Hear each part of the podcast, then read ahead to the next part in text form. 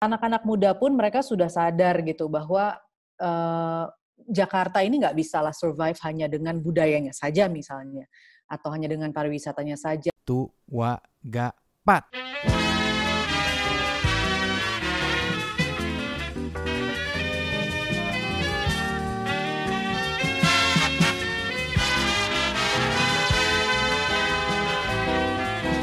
Anda sedang mendengarkan The Bernhard Farah Show. Hai teman, kembali lagi dengan Bernhard Faras di Bernhard Faras Show dan hari ini aku kedatangan Kak Rahma Alia nih. Panggilannya Kak Alia ya Kak ya? Iya, betul. Apa kabar Bernhard? Alhamdulillah baik. Kak Alia gimana nih kabarnya nih? Terakhir aku waktu itu ketemu sama Kak Alia di penjurian Abang None nih. Sekarang kabarnya gimana dengan pandemi? Iya, benar. Alhamdulillah sih baik-baik aja. Ya kita berusaha survive lah ya semuanya walaupun uh, kebanyakan kegiatan jadi harus beralih ke rumah. Oh iya benar. Bukan dari rumah. Berubah juga ya. Nah, Pasti. sebelum kita masuk ke sesi bincang-bincangnya nih, kita bakal bacain beberapa prestasinya dan um, sekarang Bu ah kok Ibu sih? Kak Rahma, aduh, ibu saya tua itu. Padahal ini masih muda gitu loh. Nah, jadi Kak Rahma Alia ini adalah profesional MC dan moderator. Kak Rahma juga adalah salah satu none Jakarta tahun 2001 dan first hmm. winnernya ya. Lalu pernah jadi ikut juga di ajang Bintang Antv 2003 sebagai first winner, Putri Indonesia Pariwisata 2005, runner up Putri Indonesia 2005, news anchor, producer, jurnalis dari 2003 sampai 2009, 2009 di Antv, cameo actress di film Dua Garis Biru, wow. Terus ada author juga di cerita Cinta dan Cita-Cita. Wah, sekarang hmm. aktivitasnya berarti banyaknya lebih ke MC, moderating, sama menjalankan F&B uh, bisnis ya kali ya?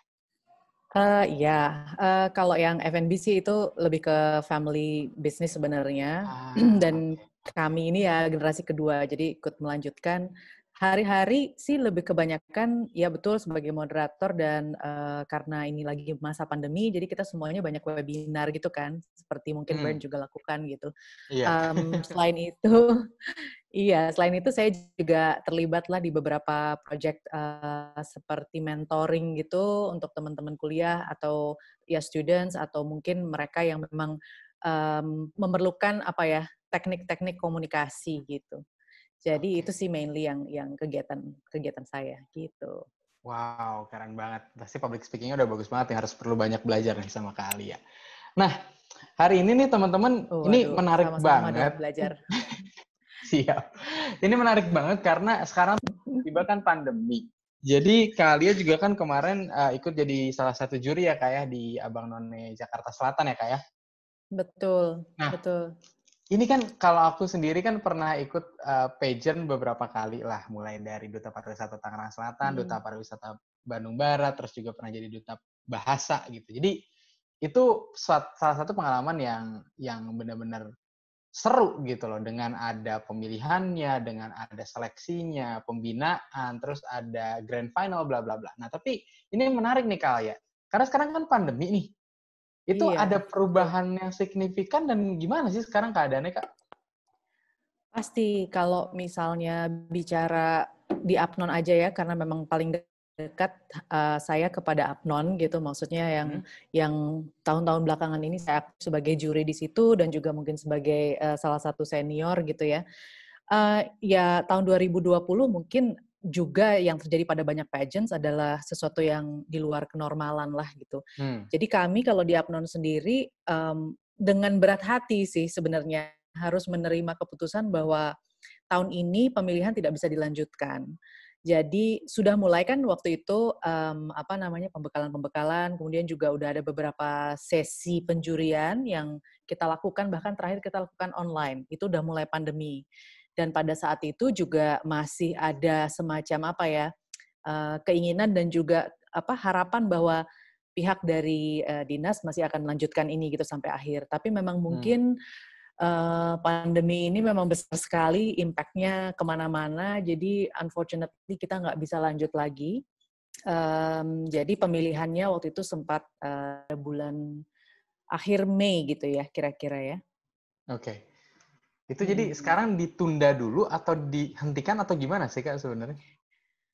Sampai sejauh ini sih bahasanya adalah diterminalkan dulu. Karena memang untuk terjadi lagi di tahun ini uh, belum bisa dipastikan. Kemungkinan kalaupun memang ia akan dilanjutkan itu di tahun depan. Tapi memang ini masih situasinya masih wait and see gitu. Uh, kami sih okay. dari dari pihak ikatan juga dari dari selatan khususnya juga sudah berkomunikasi dengan pihak uh, kepala dinas pariwisata ya. Um, untuk memastikan maksudnya sambil diskusi juga nih kira-kira kita bisa melakukan apa ke depan. Karena harapannya sih nggak nggak mau skipping one generation of Apnon gitu. Karena we've been doing it for so many years like from 1968 yeah. gitu kan? 68, dari yeah, 1968 Iya, dan tiba-tiba di tahun 2020, wah harus di harus dihentikan gitu. Tapi memang teman-teman yang sudah masuk jadi finalis itu, mereka uh, sudah sudah diakui menjadi finalis dan apa ya, bukan berarti terus oh nggak ada kok angkatan tahun 2020 tuh nggak ada nggak gitu juga. Jadi hmm. dengan keterbatasan, dengan uh, situasi yang tidak normal ini, tetap mereka adalah finalis Abang Noni Jakarta Selatan 2020 dan mereka juga akan membawa mandat sebagai Abang Noni Jakarta Selatan khususnya uh, untuk uh, melakukan apa ya promosi-promosi dan juga membantu pemerintah provinsi DKI Jakarta, tetapi dalam cakupan yang pandemi kalau hari ini gitu. Okay. Seperti mungkin bisa dilihat di media sosial, mereka melakukan aksi waktu itu untuk bagaimana sih supaya kita menjaga diri dari corona misalnya, dan kampanye-kampanye yang bisa dilakukan teman-teman untuk me, apa ya sebagai the front uh, guard of youth of Jakarta gitu. Kita nggak bisa tinggal diam, kita nggak bisa putus asa meskipun itu pandemi. Banyak pintu-pintu kreativitas yang memang harus kita create di masa pandemi ini dan justru sebenarnya opportunity-nya justru makin besar sebetulnya kalau kita mau dan kita uh, termotivasi untuk melakukannya gitu. Oke, oke. Ya memang ini sekarang keadaannya memang sedang tidak pasti dan kita belum tahu sampai kapan pandemi ini akan berakhir juga gitu kan. Nah, mm -hmm. cuman ini menarik Kak. Menurutku bukan hanya pemilihan apnonnya aja walaupun aku sempat kepikiran nih Kak ya. Karena dulu kan kalau misalnya pemilihan tuh seru banget kan ya kayak ada banyak baliho, orang ngumpul, kita ber ya istilahnya itu seneng karena kita merayakan orang-orang juga masih peduli sama budaya Jakarta, masih peduli sama budaya Betawi yang egaliter gitu kan. Benar-benar seru banget. Nah, tapi sekarang gini Kak, apakah yang berubah itu kalau dari pemilihan kita udah tahu tahun ini belum tentu ada gitu kan dari segi acaranya gitu kan ya. Cuman kalau hmm tarian gimana nih kak? Karena nih aku menarik banget nih. Kan tarian apnon ini kan yang aku tahu itu kan ada nandaknya juga ya kan? Ada hmm, nandaknya hmm. kadang antara pria sama wanita juga sangat berdekatan sekali gitu. Nah dari segi kultur dan hmm. budaya, uh, menurut kakak bakal banyak yang berubah nggak sih dari pandemi ini? Gitu? Iya, kalau dari pandangan saya agak susah juga ya karena memang tarian-tarian yang dilakukan berdua itu sulit juga mungkin untuk di tiba-tiba diubah gitu jadi single player gitu. Tapi ada banyak opsi, ada banyak hmm. opsi di mana tarian yang dilakukan bisa individual. Mungkin kalau hmm. uh, sempat mengikuti apa namanya uh, teater Apnon, ada IG-nya ya. juga. Jadi kan uh, di Apnon ini ada berbagai macam ini ya apa namanya uh, ada kegiatan olahraganya, ada kegiatan seninya, ada kegiatan teaternya, ada kegiatan uh, seminars dan eventnya juga gitu. Nah, yang cukup besar dan sudah lama di di foundernya adalah Pok Maudi, None Jakarta 1993. Um, sampai hari ini Teater Apnon melakukan banyak aksi aksi yang mempertahankan budaya juga. Selain hmm. teaternya, di tahun 2020 ini uh, mereka bikin nandak challenge dan nandak challenge itu dilakukan boleh di mana aja, nggak harus berdua, sendiri juga bisa gitu. Dan abis itu ditampilkan di social media, ada pemenangnya, ada hadiah dan sebagainya. Jadi sih kalau menurut menurut saya memang kita nggak bisa memaksakan. Mungkin kalau dalam situasi yang oh ada request tertentu gitu ya harus saya mau tari A yang memang rame-rame atau berdekatan tadi seperti yang Brand bilang, mungkin itu boleh aja asal uh, asal kita mengikuti protokol kesehatan aja sih mungkin kita nggak lama-lama terus habis itu ngobrol gitu ya terus let loose gitu yeah. ah temen ini aku udah kenal dia nggak mungkin lah dia kenapa-napa gitu kita kita nggak bisa take for granted sih memang we have yeah. to take care of our own self lah anytime anywhere hari ini gitu Oke. Okay, so, okay. khawatir kalau budaya kemudian jadi jadi terkikis atau gimana sih menurut saya. And it's about time aja. Hopefully ini juga semakin ini semakin cepat kita bisa recover dari uh, pandemi ini. Hmm. Oke okay, oke. Okay. Nah kak, terus pernah nggak sih ada suatu skema-skema di mana kayak ini kan kita pasti mengusahakan dulu kan agar karena duta pariwisata itu kan nggak cuma Apnon ya kan karena di Indonesia banyak banget tiap daerah ada duta pariwisata yang masing-masing belum kita ngomongin duta budaya duta perpustakaan duta duta-duta yang lain lah banyak banget gitu yang ada acaranya masing-masing nah Betul. ada nggak sih skema-skema yang oh pandemi ini masih bisa jalan kok sebenarnya dengan cara misalnya contoh uh, mungkin saat Q&A itu via daring gitu atau gimana sih kak? Ada nggak sih opsi-opsinya sebenarnya kak? Hmm, pasti. Memang uh, tadi kalau misalnya saya tarik mundur sedikit dari pertanyaan Burn itu, hmm. untuk diketahui sebenarnya Abang None Jakarta itu fungsinya yang tadinya menjadi duta pariwisata dan duta budaya, hari hmm. ini sudah bukan hanya itu saja. Jadi sebenarnya tanggung jawabnya itu adalah sebagai duta pariwisata, duta budaya, duta investasi, dan yang pasti adalah uh, public speaker dari pemerintah Provinsi DKI Jakarta. Hmm. Dan um, juga kalau yang saya pelajari memang karena ini trennya, apalagi dengan adanya pandemi ya, kita um, memang ini kan pemerintah Provinsi DKI Jakarta yang punya event ini, punya event Apnon dari tahun ke tahun. Tapi kemudian Abang Noni sendiri itu bebas untuk berkreasi. Jadi kita juga mendorong teman-teman untuk menjadi duta kolaborasi nggak semata-mata kita mesti menunggu oh iya pemerintah mau bikin apa ya? gitu. Kita nunggu aja deh gitu. Nggak juga. Justru sebenarnya the bright minds and the creative minds of the millennials hari ini justru itu yang menjadi kunci dari kenapa abang none itu penting banget ada di masyarakat di masyarakat Jakarta dan juga uh, menjadi partner lah kalau boleh dibilang pemerintah provinsi DKI Jakarta gitu. Karena mereka mereka buat suatu event misalnya dari dinas pun kalau tanpa bantuan teman-teman Apnon juga mungkin dianggap teman-teman Apnon ini punya core uh, kekuatan yang bisa merangkul masyarakat juga gitu dan hmm. sebagai apa ya ideal idol juga dari dari masyarakat khususnya pemudanya. Kalau tadi cerita soal melalui daring itu memang sudah sempat kita lakukan tadi kalau saya mention di awal penjurian Q&A penjurian tengah kalau saya tidak salah waktu itu di selatan karena kita waktu itu masih di pemilihan wilayah ya belum sampai ke DKI bahkan itu memang kita lakukan via uh, via Zoom. Hmm.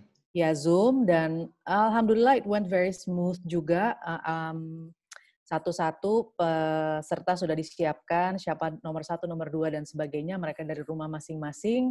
Kemudian teman-teman ikatan dan panitia juga mempersiapkan ada waiting room-nya. Oke, dimulai lima menit lagi, mereka udah masuk waiting room semua. Kemudian dewan juri udah di brief, segala macam nanti bagaimana sistem penilaiannya, kita langsung masukin, langsung online, langsung accumulated, dan sebagainya. Itu sudah kita lakukan. Dan sebenarnya itu bisa.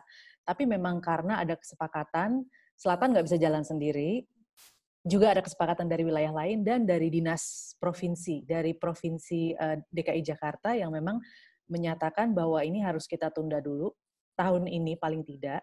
Maka dari itu ya kita uh, kita harus follow uh, itu gitu. Hmm. Jadi uh, memang dengan berat hati sih. saya juga saya juga uh, pengennya teman-teman sih nggak merasa jadi putus asa atau jadi merasa betul-betul kecewa ya. Saya mengerti perasaannya, tapi memang kita semua this is out of our hands gitu basically. Iya, yeah, iya. Yeah. Berarti untuk tahun ini tidak ada pemilihan pemenang itu tidak ada ya kayak yang juara 1 2 3 itu tidak ada atau gimana? So far belum ada. Kalau so far, kita, belum ada. so far belum ada, tapi mereka uh, leg, uh, sudah apa ya namanya ya sudah diakui menjadi finalis itu tadi. Jadi hmm. mereka sebetulnya um, bisa diajak bekerja sama oleh pemerintah provinsi DKI Jakarta maupun di Sudin Pariwisata Jakarta Selatan untuk melakukan tugas-tugas seperti kalau misalnya mereka sudah menjadi pemenang atau sudah melalui malam final itu tadilah serangkaian pemilihan gitu karena ini ya ya situasinya begitulah ya di luar di luar yang normalnya jadi ya terpaksa itu yang kita kami lakukan gitu. Iya benar-benar sih. Nah terus balik lagi kak, duta pariwisata, duta budaya. Hmm. Sejujurnya hmm. aku sendiri ya sudah hmm. jadi duta pariwisata di dua tempat apalagi kalian nih udah banyak banget prestasinya Putri Indonesia dan lain-lain dan nggak nggak nggak ada ini ya kayak Jugalah. Indonesia tidak ada Mister Indonesia gitu ya yang yang iya. satu ini ya. cuman kalau kita lihat lagi nih kak, duta pariwisata aja tuh jujur aku aja sulit banget buat menghafal kecamatan, kelurahan dan segala macam dengan segala banyaknya uh, budaya di Jakarta aja gitu ya. Nah sekarang ditambah lagi nih ada duta investasi bahkan gitu kan. Hmm. Pertimbangan itu sebenarnya apa sih kak dari banyaknya duta nggak hanya pariwisata dan budaya tapi investasi juga nih.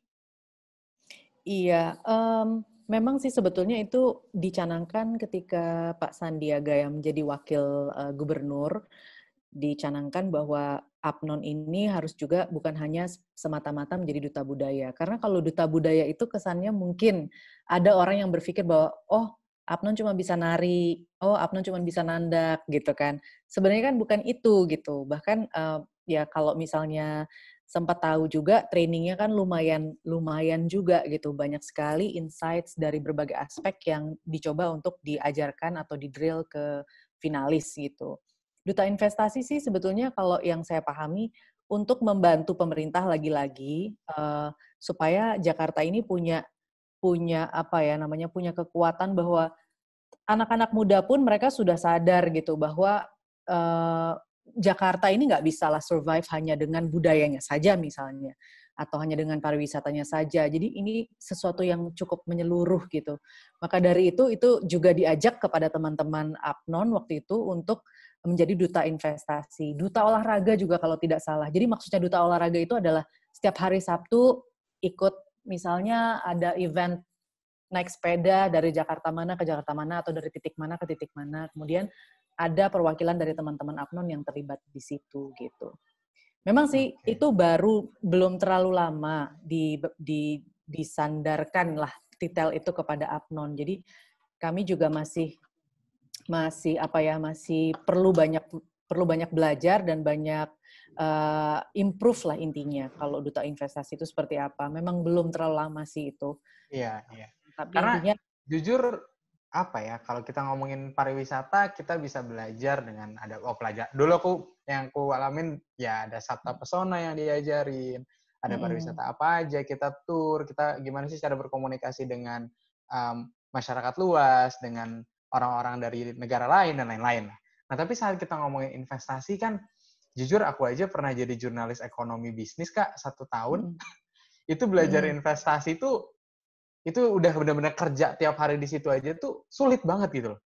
Mm-hmm. Sulit banget karena banyak variabel, banyak yang harus dipelajarin. Nah, sedangkan yang kita tahu juga kan kalau apnon itu bukan sebuah pekerjaan yang tiap hari dia mengerjakan itu kan. Betul. kan. Iya mm-hmm. kan? Jadi ya. um, um, menurut Kak Alia nih, saat kita ngomongin duta, karena apalagi kita uh, punya predikat duta gitu ya, itu sebenarnya saat kita punya duta tuh harus gimana sih kak? Karena aku ngelihat beberapa fenomena baru juga.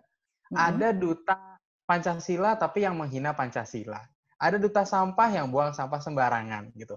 Iya. Nah jadi takutnya kayak oh duta investasi orang yang nggak mau investasi jadi duta investasi gitu.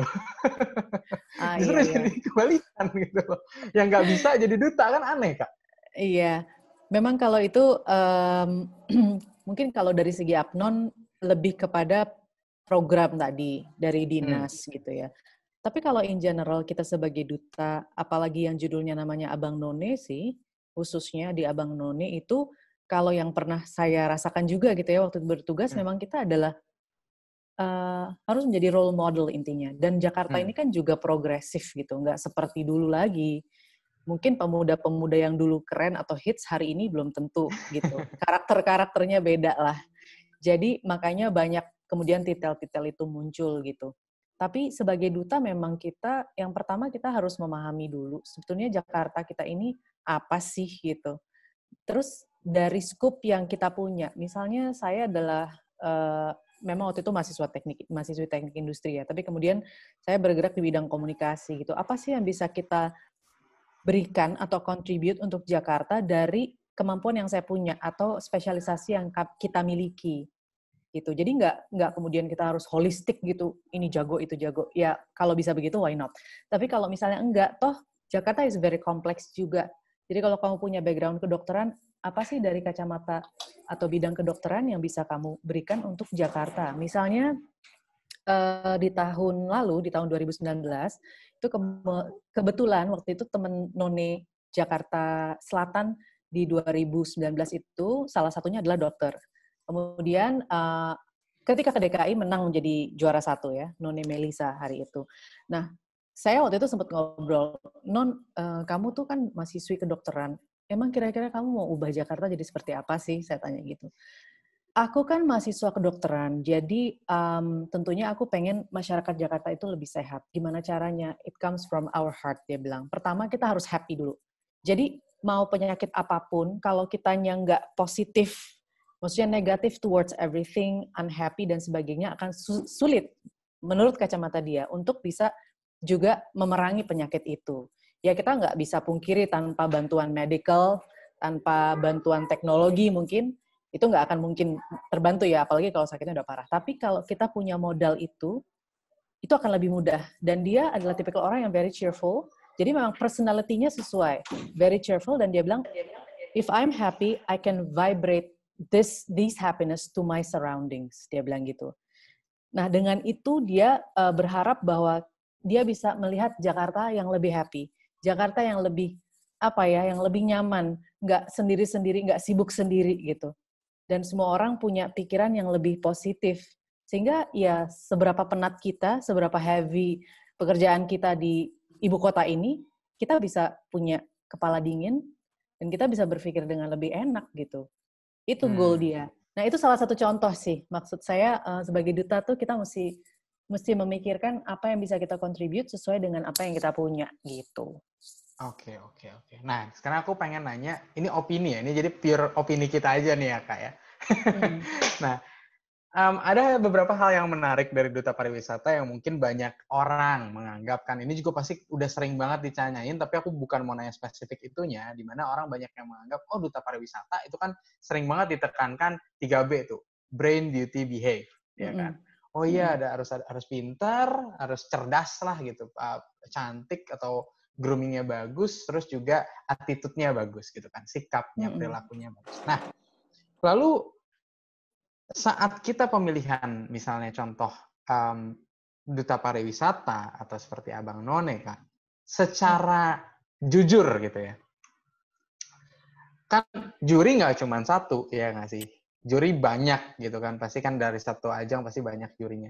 Nah, dan banyak pasti yang ngomongin kayak, oh ini yang menang pasti anaknya siapa nih oh ini pasti mm -hmm. titipan siapa nih gitu kan oh mm -hmm. ini pasti ada sesuatu nah aku pengen tanya pendapatnya ke Alia nih kalau aku jujur ikut duta pariwisata karena aku suka kultur aku suka budaya jadi aku sebenarnya jujur tidak terlalu peduli siapa yang menang kak.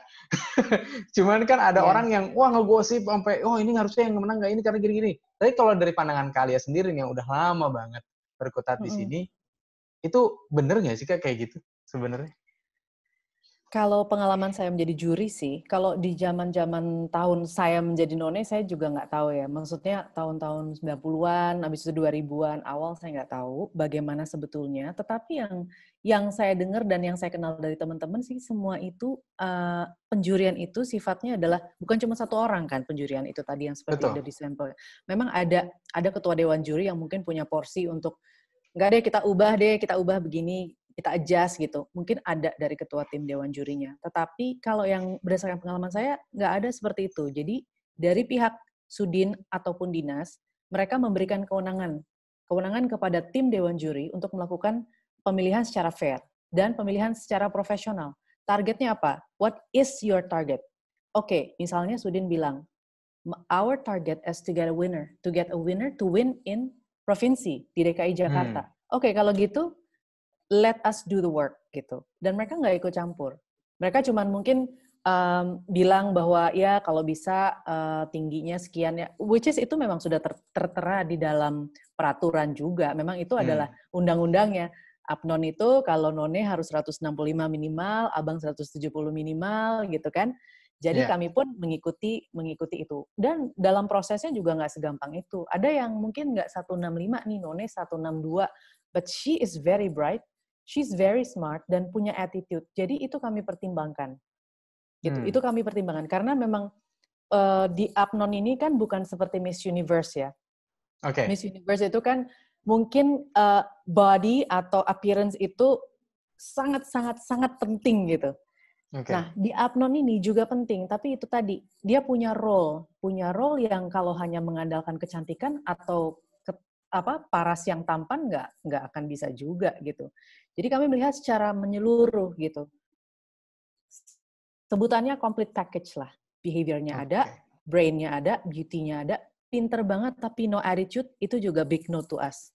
Okay. For us it's a big no gitu. Karena berarti nah. dia mungkin tidak bisa bekerja sama, ya begitulah. Nggak bisa menjadi leader bagi teman-temannya juga gitu. Nggak bisa menjadi role model yang baik juga. Nah, gitu. karena Kak Alia ini adalah salah satu pemenang gitu ya di tahun 2001 gitu kan. Hmm. Um, untuk Abang None, aku pengen tanya nih Kak, what it takes sih, apa yang kita perlukan untuk menang? Karena orang banyak yang menganggap gini, dan jujur, ini kan secara kenyataan, banyak juga pemenang itu anaknya uh, pejabat gitu kan. Itu kan banyak gitu loh. Anaknya hmm. siapa gitu atau enggak misalnya dia bisa jadi menang karena apa gitu.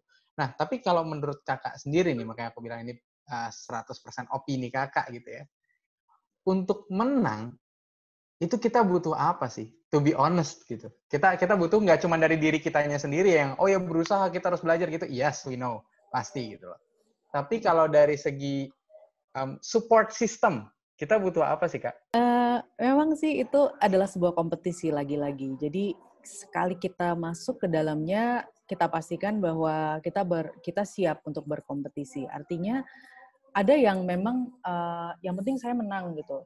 Yang penting apa ya namanya saya bisa mengalahin ini ngalahin ini saya pengen tahu kelebihannya dia apa saya mau lebih hebat dari dia apa itu kan a little bit a little bit ambitious gitu in a way tapi hmm. kalau buat saya sih waktu itu it is a competition, but there's also a big process that is actually an investment for you. Whether you're gonna hmm. win it or not gonna win it, itu tetap aja kalau kamu hadapi proses itu, kamu jalani proses itu dengan dengan penuh dengan hati, dengan usaha juga, di mana kamu mengerti setiap proses, and you learn from it, the whole journey will be taken by you gitu.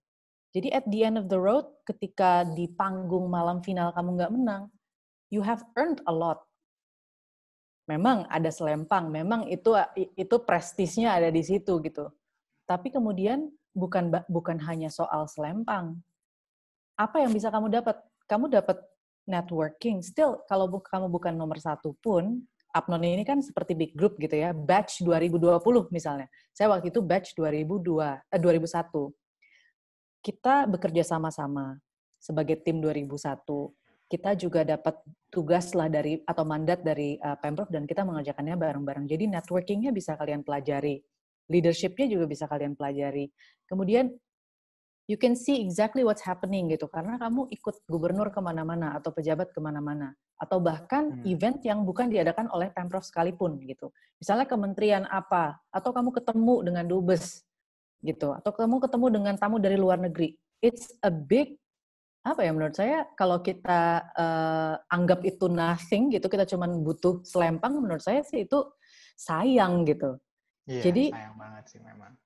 Sayang banget. Even though kamu menang tapi kamu nggak nggak menjalankan mandat itu dengan baik itu pun akan kemudian orang akan melihat kamu oh ini gimana sih kok pemenangnya kayak gini gitu. So yeah. it's not only about winning or not. It's about whether you want to take the responsibilities, whether whether you want to enjoy the process and learn from it. Tapi kalian setuju nggak kalau peranan support system dengan background keluarga yang powerful gitu ya, hmm. itu berpengaruh kuat juga loh untuk kita bisa menang. Enggak, saya enggak. Saya saya enggak percaya sih dengan itu. Karena it's proven kok. Banyak sekali pemenang yang orang tuanya nggak ikut campur. Ya mungkin support, oke okay lah saya kasih kamu izin. Bahkan ada yang nggak diizinin tadinya. Ada iya, beberapa ya, aku abang. diizinin. Nah, salah satunya kamu kan. Mungkin tahun depan yeah. lagi ya, Burn ya. aku nggak diizinin soalnya orang tua jujur aja awalnya. Banyak, banyak yang nggak diizinin, yang mungkin orang tuanya tuh bahkan nggak tahu dia daftar, sampai kemudian besok saya malam final, gitu. Aku perlu ini, iya. perlu ini, gitu kan. Kemudian orang tuanya ya udah oke okay lah gitu. Mungkin dengan tadinya setengah hati yang tapi ngelihat minat anaknya dan juga usahanya udah bulat seperti itu, akhirnya mendukung. Tapi bukan the power of parents kalau menurut saya sih enggak karena lagi-lagi itu tadi tim dewan juri itu adalah tim yang independen gitu. Hmm. Tim yang independen dan kalau misalnya kita hanya melihat orang tuanya tuh siapa, anaknya bisa nggak bersaing dengan yang lain? Betul, betul, betul. Gitu. Again, this is a fair game gitu. This is a fair competition. Jadi kita juga harus melihat dengan kacamata yang profesional juga. Gitu. Makanya banyak ahli yang didatangkan untuk mereka uh, belajar. Kalau di selatan kita ajak mereka untuk ketemu praktisi, praktisi komunikasi kah atau praktisi perhotelan kah, praktisi pariwisata kah yang memang hari-harinya tahu betul gitu Jakarta kayak gini, kami tuh di hotel kayak gini keadaannya gitu.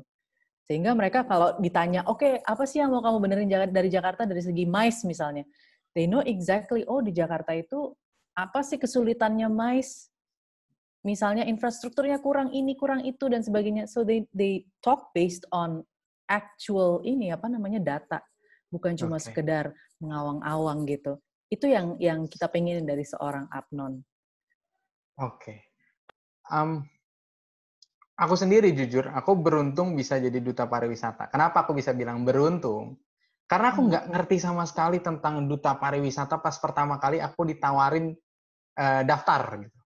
Hmm. Aku nggak ngerti sama sekali kak. Jadi aku orang yang dulu aku siaran radio, terus aku ngundang salah satu abang nona waktu itu di Tangerang Selatan. Hmm. Dulu namanya hmm. Kang Nong kak mereka ngomong, Bern, kenapa kamu nggak daftar Kang Nong aja? Aku bilang, Kang Nong tuh apa? aku benar-benar nggak ngerti sama sekali.